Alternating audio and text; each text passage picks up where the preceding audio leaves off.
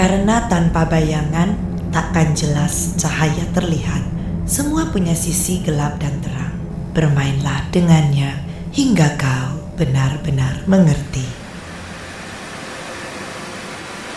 Terlahir dengan bakat melihat hal-hal tak kasat mata dan tidak banyak dipahami oleh kebanyakan orang, sejak kecil Alia sudah mengalami kehidupan yang tidak seperti orang kebanyakan. Ini adalah kisah awal pengalaman Alia dengan dunia mistik yang penuh misteri.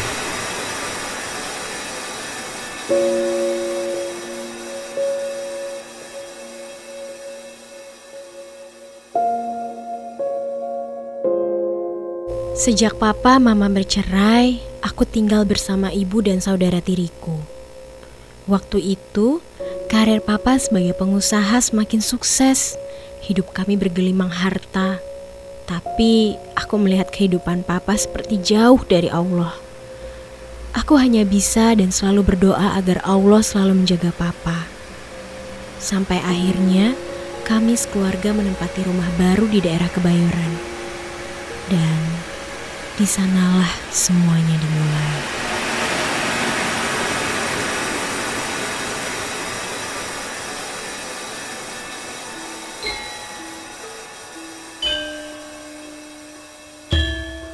Jenenge sampean sinten Tondo, Cahayu? Sini, ayo sini ngobrol sama Mbak yuk. Alia yang sedang tertidur setelah sholat tahajud memimpikan sesosok perempuan Jawa yang menitipkan amanah pada dirinya. Sini, Nduk. Kamu ini anak baik loh, Cahayu. Mbak mau kasih amanah untuk kamu. Benda ini bisa jadi milik kamu. Asalkan sebagian dari benda ini diberikan kepada pihak yang berhak menerimanya. Ikuti petunjuk ini ya Cahayu. Kamu turun tujuh anak tangga, terus belok dua langkah ke kiri.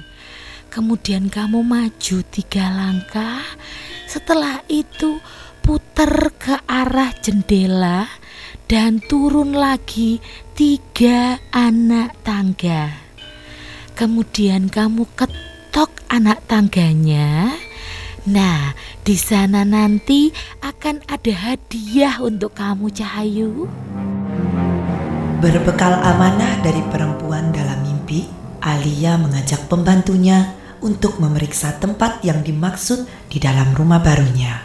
Di sana, Alia menemukan sebuah benda terbungkus kain coklat kumal. Setelah kain dibuka, tampaklah sebuah kotak perhiasan kayu penuh ukiran yang di dalamnya ada tusuk konde, gelang, kalung, anting, dan cincin yang semuanya terbuat dari emas. Sejak kejadian itu, Alia dikenal sebagai anak sakti oleh tetangganya, bahkan sering dimintai petunjuk untuk memasang nomor undian. Waktu berlalu, Alia sedang berlibur ke Pangandaran bersama teman-temannya. Mereka menikmati makan jagung bakar dan hidangan seafood di sana. Gimana? Nggak nyesel kan liburan ke Pangandaran? Iya, untung aja pelatih kita nggak masuk. Jadi kita bisa bebas jalan-jalan di Pangandaran. Eh, abis makan kita jalan-jalan ke kampung nelayan yuk. Eh iya tuh, seru tuh ke sana. Setelah makan, rombongan Alia berjalan-jalan menelusuri kampung nelayan. Di sana, mereka melihat sebuah bioskop tua dengan poster film lawas yang dibintangi oleh bintang film hot tahun 90-an.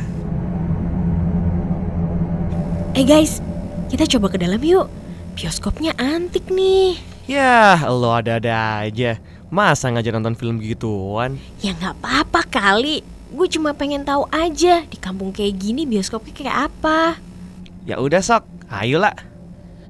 Nggak yakin nih gue sama bioskopnya sepi banget. Ntar film baru keputar setengah udah disuruh pulang lagi. Gila lo, ya nggak mungkin lah. Udah ah, yuk masuk.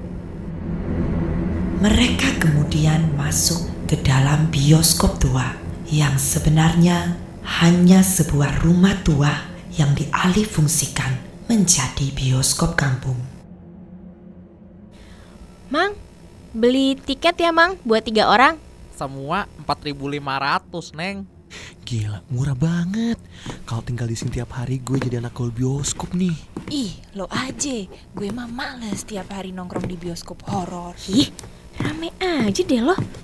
Eh, emang kita duduknya di mana nih? Ke sana, pojok sebelah kanan ya, baris kelima. Buset Alia, seriusan lo mau nonton di bioskop bau amis kayak gini? Ya elah, bangkunya reot banget. Ini mah nggak kayak nonton bioskop, lebih mirip nonton di pos ronda, kurang kacang sama kopi aja nih sekalian sis kamling. Anggap aja rumah sendiri.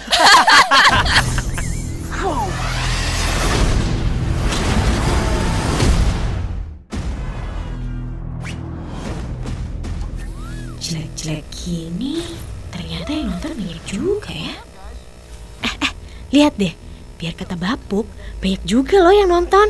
Rame dari mana? Sepi gini kayak kuburan. Eh, lu nggak pada gatel apa? Paha gue gatel banget nih. Iya nih, ada kutu busuknya nih bangkunya. Aduh, iya nih.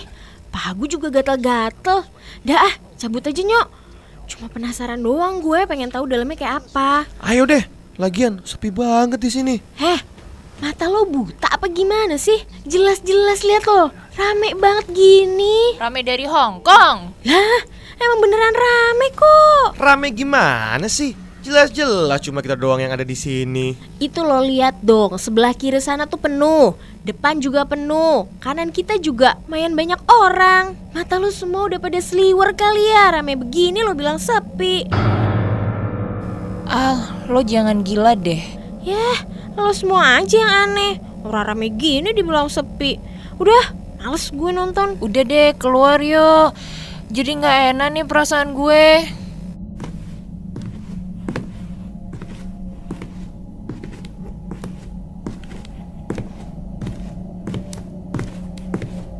Kang, permisi. Mau tanya, eh, sekarang jam berapa ya? Jam 10 dek Masih lama ya filmnya selesai? Sebentar lagi neng Oh gitu. Nuhun ya Kang. Alia, lu apa-apaan sih ngomong sama bangku? Nggak lucu deh, Al.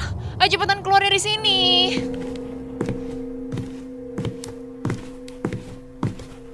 Loh, kok udah keluar si Eneng? Tahu nih Mang, teman-teman saya pada maksa mau keluar. Padahal kan filmnya seru. Rame lagi yang nonton. Ah, rame dari mana? Orang yang nonton cuma rombongan Neng aja. Dari tadi nggak ada orang lain yang masuk.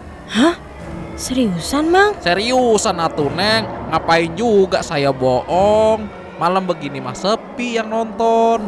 Loh, terus tadi yang saya ajak ngomong siapa?